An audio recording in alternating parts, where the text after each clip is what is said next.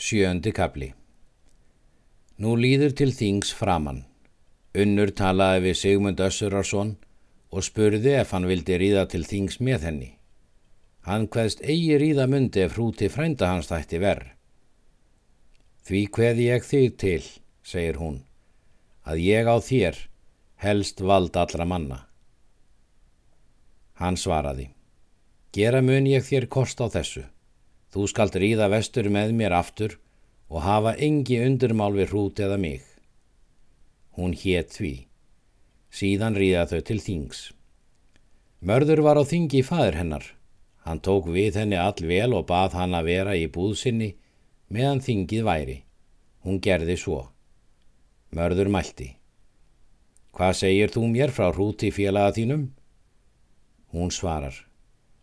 Gott má ég frá honum segja það allt er honum er sjálfrátt.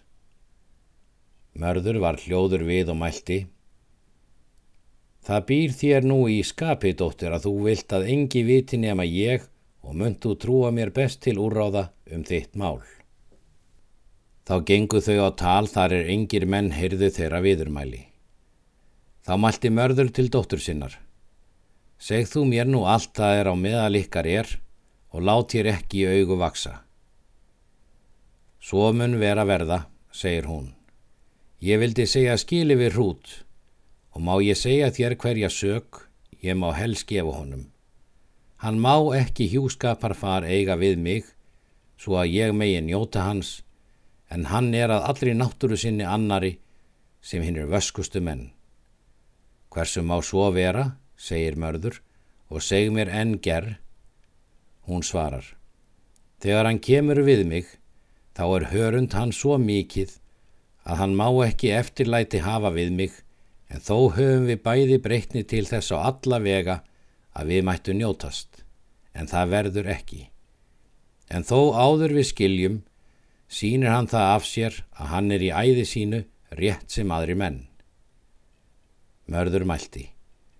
Vel hefur þú nú gert er þú sagðir mér mun ég leggja ráð á með þér, það er þér mun duga. Ef þú kant með að fara og bregðir þú hvergi af. Nú skal þú heimríða fyrst af þingi og mun bondið þinn heimkomin og taka við þér vel.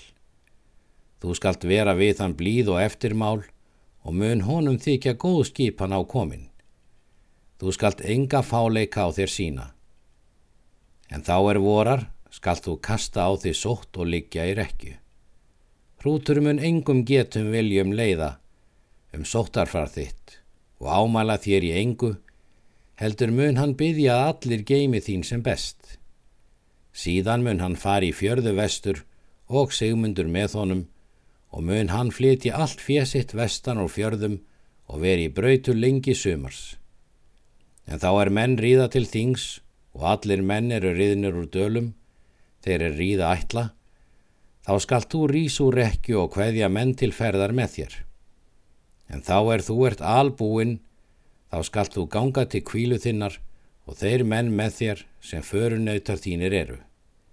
Þú skalt nefna votta hjá rekkistokki bónda þíns og segja skili við hann, laga skilnaði, sem þú mátt framast að alþingismáli réttu og alls herjar lögum. Slíka votnefnu skalt þú hafa fyrir karldyrum. Síðan rýð þú í braud og rýður Lagsardals heiði og svo til Holtavörðu heiðar, því að þín mun eigi leita til hrútafjörðar og rýð þar til er þú kemur til mín og mun ég þá sjá fyrir málinu og skalt þú aldrei síðan koma honum í hendur. Nú rýður hún heima þingi og var hrútur heimkomin og fagnaði henni vel. Hún tók vel máli hans og var við hann blíð og eftirmál. Þeirra samfarar voru góðar þau misseri. En er voraði tók hún sótt og lagðist í rekju.